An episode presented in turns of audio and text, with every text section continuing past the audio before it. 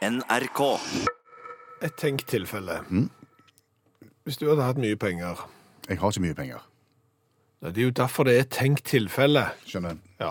Hvis du hadde hatt eh, kolossalt uh, mye penger, når du da begynte å kjenne på, på gikt og at det gikk mot slutten, at du begynte å bli, bli litt grann pjusk, og tenker nå har jeg ikke lenge igjen, kunne du da tenkt deg å skrive en kontrakt om at du, du skulle fryses ned når du døde?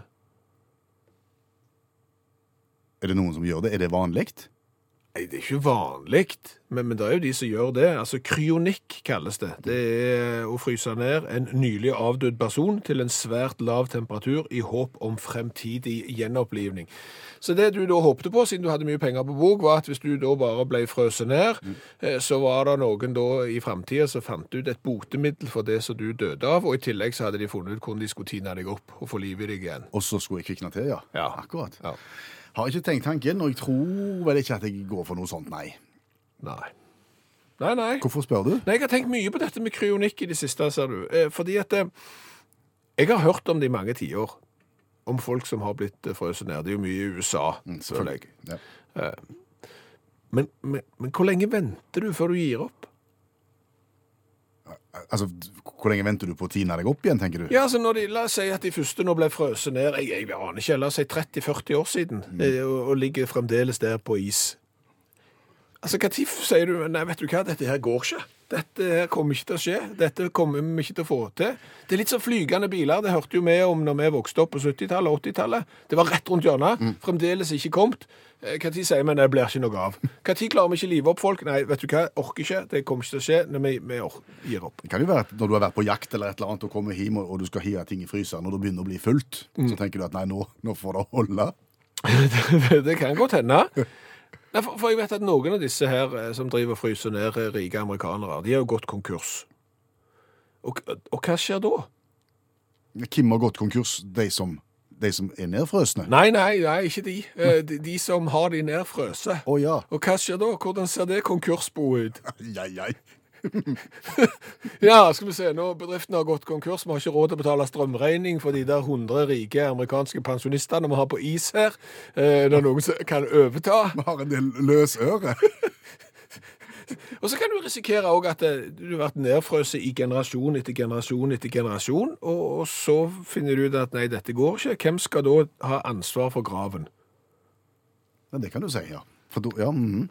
Altså hvis tipp-tipp-tippoldefaren din har ligget nedfrøset, så har du jo ikke et sterkt forhold til han. Og, og du får jo gjerne ikke sånn at du må gå hver onsdag og, og stelle graven og sånn, så det er jo problematisk med å være nedfrøst. Ja, og, og jeg tenker også, nå, nå begynner jeg å tenke også, siden Ja. du har brakt dette på bane. Hvis du ligger da i, i over 100 år, da, for å si det sånn, Ja. før en da finner ut at det går, nå går det faktisk an å, å kvikne til igjen, Ja. da kjenner du jo ingen. Nei, så du har jo en eh, utfordring med å skaffe deg en ny vennekrets, men det kan jo gå. Men jeg tenker igjen på, på det hvis du har ligget lenge nedfryst. Jeg har jo funnet koteletter eksempel hjemme i, i frysen hos meg sjøl, Ja. så jeg har glemt har vært der. Og de har jo da gått ut på dato gjerne for tre-fire år siden. Ja, ja. Og da smaker de ikke godt. Nei, altså, de er herske. Ja, de er det. Og tenk det, hvis du våkner opp da 100 år etterpå, så blir du gjennomplivt, og så har du blitt hersk. Det er ikke noe. Det vil du ikke. Nei, jeg tror vi lar være, jeg. Ja. Om jeg kan få lov til å sette fokus på en eh, idrettsprestasjon, Ikke bruk det uttrykket, er du, er du grei. hva er det Fokus. Det er for slitt og oppbrukt, så, så velg gjerne noe annet. Så jeg skal ikke sette fokus på det? Du skal ikke rette fokus, du skal ikke sette fokus, du skal bare Kan, kan jeg bare få lov til å snakke om, da? Du skal få snakke om en, om en idrettsprestasjon utenom det vanlige. Ja, som har gått eh, litt under lupen, vil jeg si, denne helga. Under lupen eller under radaren? Ja, Samme det, vel. Nå er det fokus og radar og luper. Nå må du slutte, jeg vil bare snakke om det. Fordi at denne helga har jo da gjerne vært prega av et landslag som klarte å få et poeng mot Spania. Ja. og en eh, snaring fra Afrika som sprang maraton på under to timer. Ja. Det betyr jo at det er andre idrettsprestasjoner som ikke har fått det fokuset som Nå var jeg der igjen. Kanskje ikke har fått den oppmerksomheten som de burde fått? Nettopp. Ja. Hvem er det som har utført denne bragden, da? Det er meg. Å ja. Ja. Og, og, og idrettsgrenen du har deltatt i? Monopol. Monopol. Ja.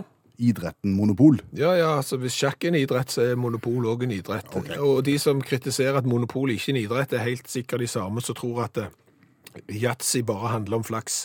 Det gjør det langt ifra. Det fornekter jeg på det sterkeste. Yatzy det er et spill du må øve deg for å bli god i. Men nå var det monopol. Ja, Og du har gjennomført en prestasjon, monopolfaglig.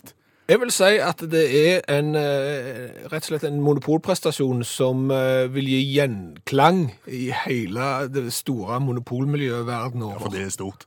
Ja, det er det. Ja, ok. Ja, ja. Hva er det du har gjort? Jeg har klart å bygge hus i monopol uten å passere start. Ja, og for mange så høres det helt sånn, enten så høres det meningsløst ut, eller så høres det enkelt ut, eller så forstår de egentlig ikke hva dette handler om. Så nå må du være flink og gjøre dette interessant for alle. Ja, det blir ikke lett. Nei. Ja, men se for deg et monopolbrett. Ja. Ok, Du er ikke så flittig på monopol som jeg er, men, men det er jo sånn at eh, du kan ikke bygge hus i monopol uten at du eier alle tre gatene i én farge. Du kan ikke bare kjøpe én og så begynne å bygge hus. Nei. Det er feil. Du må ha alle tre. Og de ligger da gjerne tre gater på kun fire plasser etter hverandre. Gjerne bare en liten sånn en ting imellom, men tre gater på de fire plassene. Ja. Og så triller du jo da to terninger. Ja, Så det minste du kan få er to. Det minste du kan få er to. Og hvordan klarer du da å kjøpe alle tre gatene i én farge og bygge hus på de uten å ha passert start, altså uten å ha gått en runde? Det er det jeg har klart.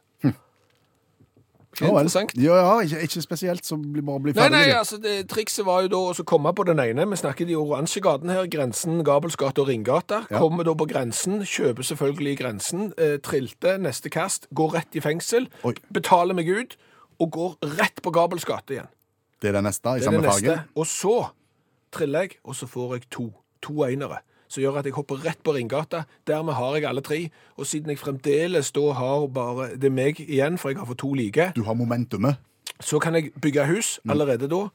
Før jeg har passert start. Og Det vil jeg si, det er, eh, tror jeg aldri tidligere har vært gjort i monopolhistorien, eh, så vidt meg bekjent. Okay. Så det er en gedigen prestasjon. Og, og spesielt òg når du vet at Smarte Penger, det er jo et magasin, eh, har da vurdert gaten i brettspill og monopol på de samme metodene som de bruker når de ser på investering i eiendom og eiendomsfond og sånn. Og de har sagt at det er størst sjanse for å vinne monopol hvis du kjøper de tre oransje gatene og bygger på de. Og det var det du klarte å kjøpe på én runde. Ja, hvem tror du vant? Jeg tror du vant, jeg. Riktig det. Er du klar til å få utvida din litterære horisont uten å åpne ei bok? Det høres behagelig ut. Ja, det er jo de som leser bøker uten å åpne ei bok. Det kalles gjerne lydbok, men det tar jo ganske lang tid å høre gjennom ei bok. Eh, Så dette er jo et mye eh, raskere tilbud. Ja, Det er på en måte lydbokvarianten eh, som kun tar fire minutter. Vi presenterer en klassiker som du burde ha lest. Og når du har hørt på dette her, så kan du faktisk gå ut i det offentlige og framstå som om du har lest den. Ja. Janne Stigen Drangsvold, forfatter og litteraturviter, tar oss gjennom et nytt verk.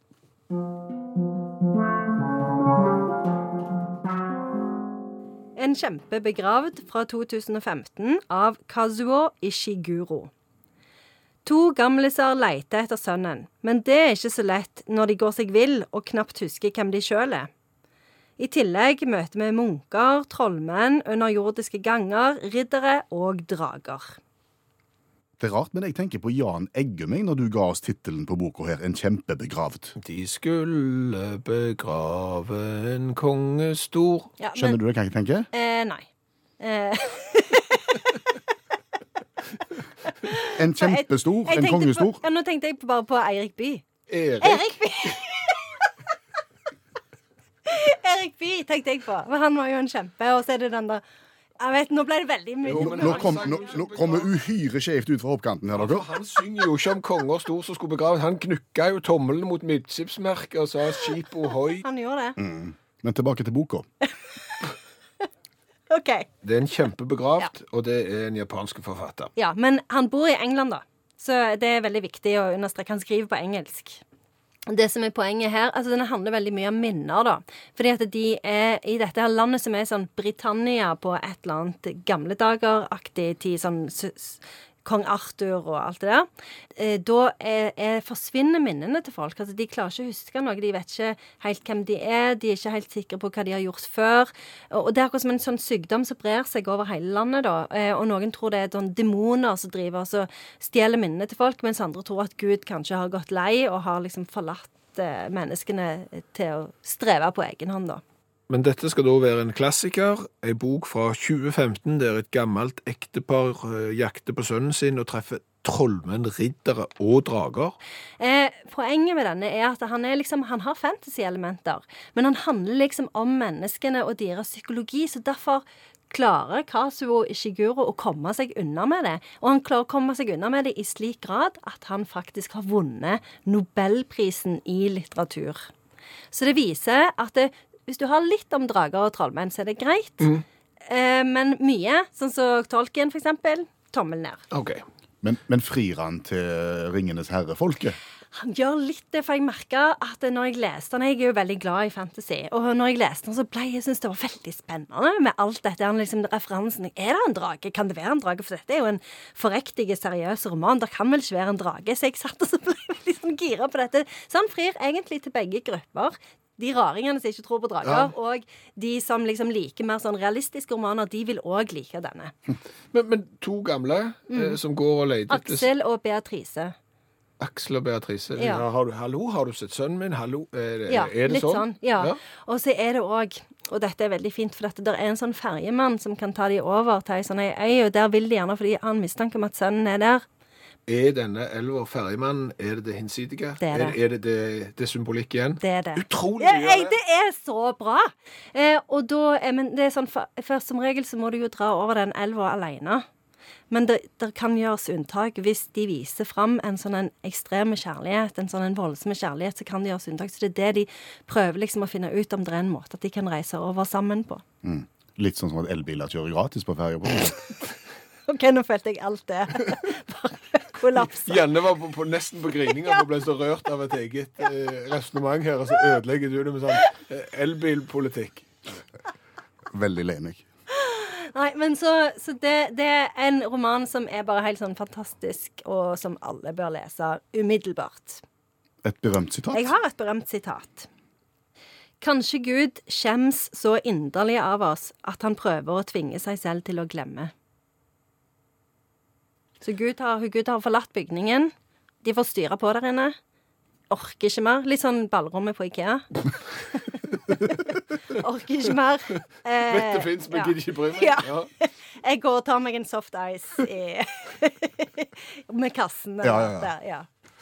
Ålreit. En kjempebegravd. Vil du eh, oppsummere for oss? Det er vel en historie om at hvis du har mista ungen din, så kan det være lurt å lete etter den før du har blitt for gammel. Fordi at eh, da husker du ikke ting. Eh, det går litt seint for deg. Og i tillegg da så kan du møte mytiske vesener som ikke fins, fordi at fantasien din kanskje spiller deg et puss og to. Jeg syns det var veldig fint. Men, men det som er fint med den boka, det er at det, det er ikke noen sånn indikasjon på at de innbiller seg dragene. De, de, de er der, de. Dragene fins. Ja, ja, de fins, de. Så jeg skjønner ikke hvorfor du må liksom trekke det i tvil. Nei, Så du som er en true believer En drageentusiast. Tusen takk, Janne Stigen Drangsvold, forfatter og litteraturviter. og dragetroer.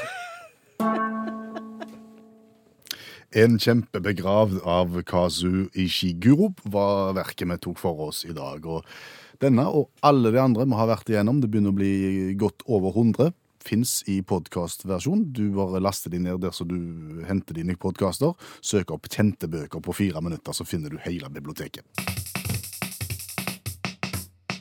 I forrige uke så forsøkte vi å sette en verdensrekord, Skjæveland. Ja, vi gjorde det. Det er verdensrekorden i å shane ei tortilla-lefse lengst. Det er vel amerikaneren David Rush som har rekorden på drøye 16,5 meter, Ja. satt innendørs i Idaho. Ja, Vi forsøkte i innendørs i forrige uke, som sagt. Vi klarte vel knapt tolv meter, og ga oss med det, men fikk en idé på tampen. Ja, for det er klart at det å skjøyne tortillalefser, eh, det er jo matsvinn. Det er jo ikke bra, du skal ikke leke med mat. Eh, Men så er det jo sånn at eh, når du da har taco, eller liksom har kjøpt inn tortillalefser og gjør klar til tacoen, så er det alltid en som skal ha et par lefser til, og dermed så åpner du en ny pakke, og så får du ikke spist de opp. Nei. Og så tenker du de der sparer jeg til neste gang vi skal ha taco, så pakker du de inn i all den plasten du bare kan tenke, og prøver å gjøre det så lufttett som overhodet mulig. Det går ikke. Etter tre kvarter så er de stive som Ja. Ja. Så de går i båse uansett. Ja. Eh, da tenkte jo vi det går jo kanskje an å ha det litt gøy med de i stedet for, da. Ja, på skolen så kasta vi liten ball. Eh, Går det an å kaste stiv lefse? Ja, går det an? Eh, Det går faktisk an. Vi har allerede fått inn en film i Facebook-gruppa til Utakt fra, fra Eva som, eh, fra Røyksund, og det viser da at de drev med dette i helga, med, med kasting av stiv lefse. Og, og de passerte vel 24 meter, hevder de sjøl. Og det bare viser at det å, å skjene stiv lefse istedenfor myk tortilla, det er en helt annen idrett. Ja. Ja. Men skal vi nå prøve? Du har trukket utendørs med, med restene fra pakken eh, fra sist, som Ja. da altså har blitt stive på pulten i løpet av helga. Ja, og de ligner jo mer på skeinebrett nå enn de gjorde før helga, når de har blitt stive. De har fått en liten krøll på kanten, sånn at eh, jeg er jo spent. 16,5 meter er innendørsrekorden. Vær så god. Ja, men det er innendørsrekord med slapp lefse. Nå er det jo eh, utendørsrekord med stiv lefse. Så nå skal vi se. Jeg har merket opp 16,5 meter, Ja. og jeg har vært så, kan du si, så fram... Jeg har vært så tøff i trynet at jeg også markert 30. Oi, såpass. Ja. OK, vi er spente. Da tar jeg fart, Ja. og jeg skjener opp. Au. Det var ca. fem meter, fordi at jeg kasta med så stor kraft at jeg knakk av det stive hjørnet av lefsa, så den havarerte. Stiv lefse, det er skjørt. Det er skjørt. Så det vil jo da si at forsøk nummer to skal foregå med mindre kraft. Mm, prøv igjen. Da prøver vi igjen. Klar, ferdig, og Det er fremdeles utrolig kort. Er det det, ja? Fordi at det, han har ikke helt skeinebrettformen. Nei. Så han er, ikke, han er liksom ikke helt sånn skal være, og dermed så, så blir han som et papirfly som ikke er liksom riktig lagt. Du hiver han, og så går han rett i bakken. Nå begynner dette å bli dårlig radio, så hvis du skal kaste en gang til, så må du gjøre det fort. Da er det siste forsøk, Ja. og jeg har spart den beste til slutt. Den Kom. som ser mest ut som skeinebrett. Så nå prøver vi. Tar fart, kaster, og det går mye lenger. Det går over 16,5 meter, så jeg har jo da slått verdensrekorden med slapplefse. Med stiv lefse. Jeg vil eh, si at det var rett og slett 17,5 meter da, med stiv lefse. Men eh, langt bak de som prøvde dette på, på Røyksund.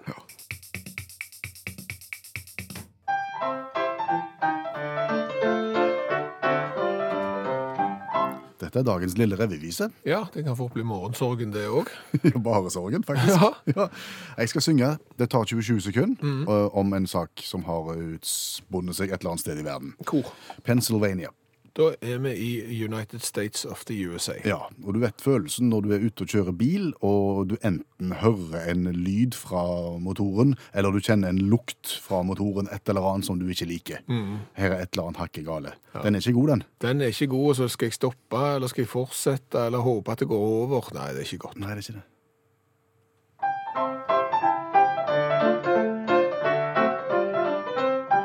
Det var Holly på tur, og hun kjente lukt så sur, og det kom fra underpanseret på bilen. Så hun ringte sin mann og sa det lukter brann, og jeg tror ikke det skyldes kjørestilen. Nei, for i motoren fant de mange nøtter. Ja, de kunne jammen plukke flere bøtter. Og et ekorn må se at hele vinterlageret, det er tapt, og det må ut på flytteføtter. Ja, Hva var det? Snipp og snapp? Snipp og snapp har vært i motorrommet. Altså, som jeg sier, det, det lukta litt rart, og bilen gikk litt fuskete. Så de kjører inntil og åpner opp, og der er det da en valnøttfarm omtrent i motoren. Opp og rundt og bak og overalt. Ja, så det er mer enn liksom fem. Det er 200 valnøtter. 200, ja. 200 valnøtter pluss gras og strå og greier. Det er helt dekt inni det. Så det er Snipp og Snapp som har forberedt seg til vinteren Ja, ja, ja. og har funnet en alle tiders plass under panseret til Holly. Og jobba i sikkert en hele helg med dette her og, og båret inn og styrt på. Men da tenker jeg at Holly kan jo ikke være den som kjører bil oftest. Altså Nei. Hvis du har fått tid til å liksom samle et arsenal av 200 valnøtter og lage seg eh, liksom De snakker om ei helg, faktisk. At de, har, ei helg, de har klart i løpet av ei helg, ja. Og først når Holly skal ut og kjøre, så kjenner du både lukt og lyd. Har, har du bilder av Jeg har bilder av Har du det? Ja. Så jeg skal legge ut bilde av bilen til Holly i, i Utakts i Facebook-gruppa sammen med sangen. Og så kan du jo nunne med mens du ser på bildet. Det er mulig at Holly kunne starte sånn bigeskjeft når hun var ferdig med disse rista valnøtter. Det kan du.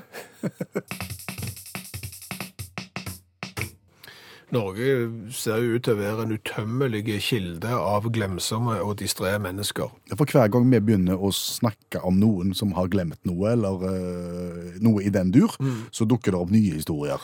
Ja, Det begynte jo med at folk hadde glemt bilene sine. At De hadde glemt at de hadde kjørt et sted, og så gikk de hjem, og så fant de ikke bilen. Og så begynte jo folk å fortelle historier om at de har glemt folk. Ja, og det er fort gjort det òg. Ja, det er det, og, og den trenden fortsetter vi i dag, eh, for flere har glemt folk. Vigdis har jo glemt uh, Hun har ikke glemt folk, men hun henger ut broren sin, da. Ok. Fordi at eh, Vigdis sin bror kan være litt distré noen ganger. Og, og en gang så hadde han fått seg en sånn en gammel Triumph motorsykkel. Okay. De er tøffe, så kunne jeg òg tenkt meg. Og skulle jo da ut og flotte seg med samboeren og vise fram dette her vidunderet. Ja, to på én sykkel. Ja, stopper da for å fylle bensin. Samboeren står da ved sida av bensinpumpa og venter til vedkommende er ferdig med å fylle. Og når han er ferdig, så setter han seg på motorsykkelen, gir gass og kjører. Uten samboer. Ja, står ved siden av uh, bensinpumpa. Så det er jo liksom ikke sånn at samboeren har gått inn for å kjøpe seg en burger på bensinstasjonen eller gå på do eller noe sånt. Står ved siden av bensinpumpa. Nei, jeg skal visst ikke sitte på, nei. Kjør fra. Ja, det er sjelden. Grete da, har sendt melding og fortalt at pappa glemte mamma for mange år siden. Pappa, pappa hadde parkert mamma hos et vennepar fordi, han sjøl skulle på skytebanen. Kjørte innom vennepar og satte mamma av der. Ja.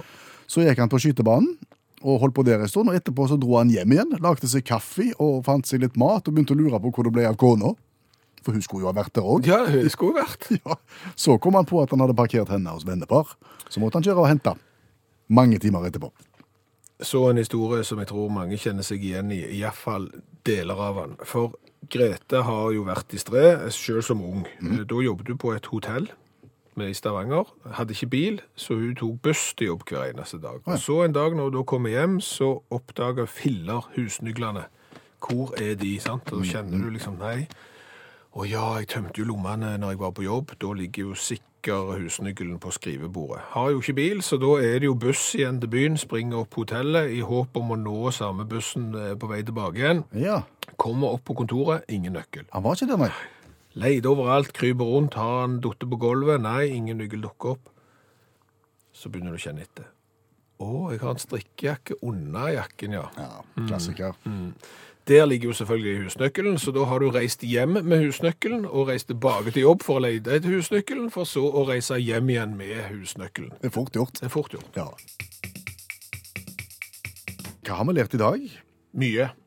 Flott. Ja, vi har jo annet lært litt om kryonikk. Som er Det er å fryse ned en nylig avdød person til en svært lav temperatur, i håp om at eh, det er mulig å gjenopplive vedkommende da en gang i framtida. fremtiden. Hva har vi lært om det, da? At Førstemann første mann som lot seg fryse ned eh, frivillig, eh, det var da psykologen eh, James Bedford.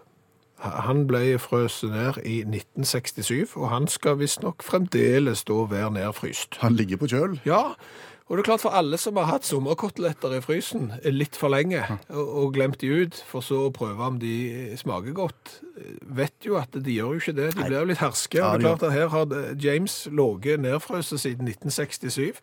Så tenk hvis han blir tint opp igjen. Og er hersk. Hersk og sur våkner han opp. Nei, det er ikke sikkert det er noe. Eh, så har vi lært litt av Holly i Pennsylvania, at hvis du bor i ekornutsatte områder, Ja. Så kan det være lurt å sjekke motorrommet før du skal ut og kjøre. Hvis det lukter bitte litt rart, og bilen går litt løye, Mm. så kan det være at Snipp og Snapp har vært der og plassert hele vinterlageret sitt. Ja, I løpet av en helg så hadde noen ekorn klart å samle over 200 valnøtter, pluss en mengde med gras og strå eh, i motorrommet til Holly. Eh, og da sveiver han ikke så godt. Eh, så er det de som prøver å diskreditere min fantastiske idrettsprestasjon. Monopolprestasjonen din. Jeg har klart, hold deg fast, å bygge hus på de oransje gatene i Monopol uten å passere start. Ja, altså for, for kjennere så skjønner en jo at dette her, det er ikke vanlig at det skjer. Nei. For oss andre så er det helt uinteressant. Men uh, hvem er det som sier at dette her ikke er noe bra? Egil og Jan Gunnar, Fordi for begge hevder det at teknisk sett så har du passert start når jeg havna i fengsel. For først så kjøpte jeg ei gate, havna i fengsel, da rykker jeg jo litt tilbake igjen, for så å kjøpe de to neste. Det argumentet prøvde jeg å framføre tidligere i dag, men det falt til steingrunn hos deg. Jeg fatter ikke hvorfor dere må begynne å ødelegge når jeg følte meg så oppå. Nei. Nå, nå har det ødelagt mandagen min. Men det er greit. Eh, Så har jeg jo eh, konstatert det at det er mye enklere å kaste med stiv lefse enn slapp lefse. Definitivt. Ja, eh, vi har jo da prøvd å sette verdensrekord i å kaste tortillalefse i slapp tilstand. Den har David Rush per i dag ved 14,5 meter. Vi hadde ikke sjans. 16,5 har han. Det gikk ikke. Vi klarte 12,5. I dag har vi prøvd med stiv lefse, fordi lefsene har ligget på kontoret vårt og blitt knallharde, sånn som tortillalefser blir når de ligger et par dager. Det gikk betydelig mye lengre, og, og det er jo Altså Skal du først måtte kaste mat fordi de enten er gått ut på dato eller ikke lar seg spise lenger, så er det å kaste stiv lefse det er ganske gøy. Hør flere podkaster på nrk.no podkast.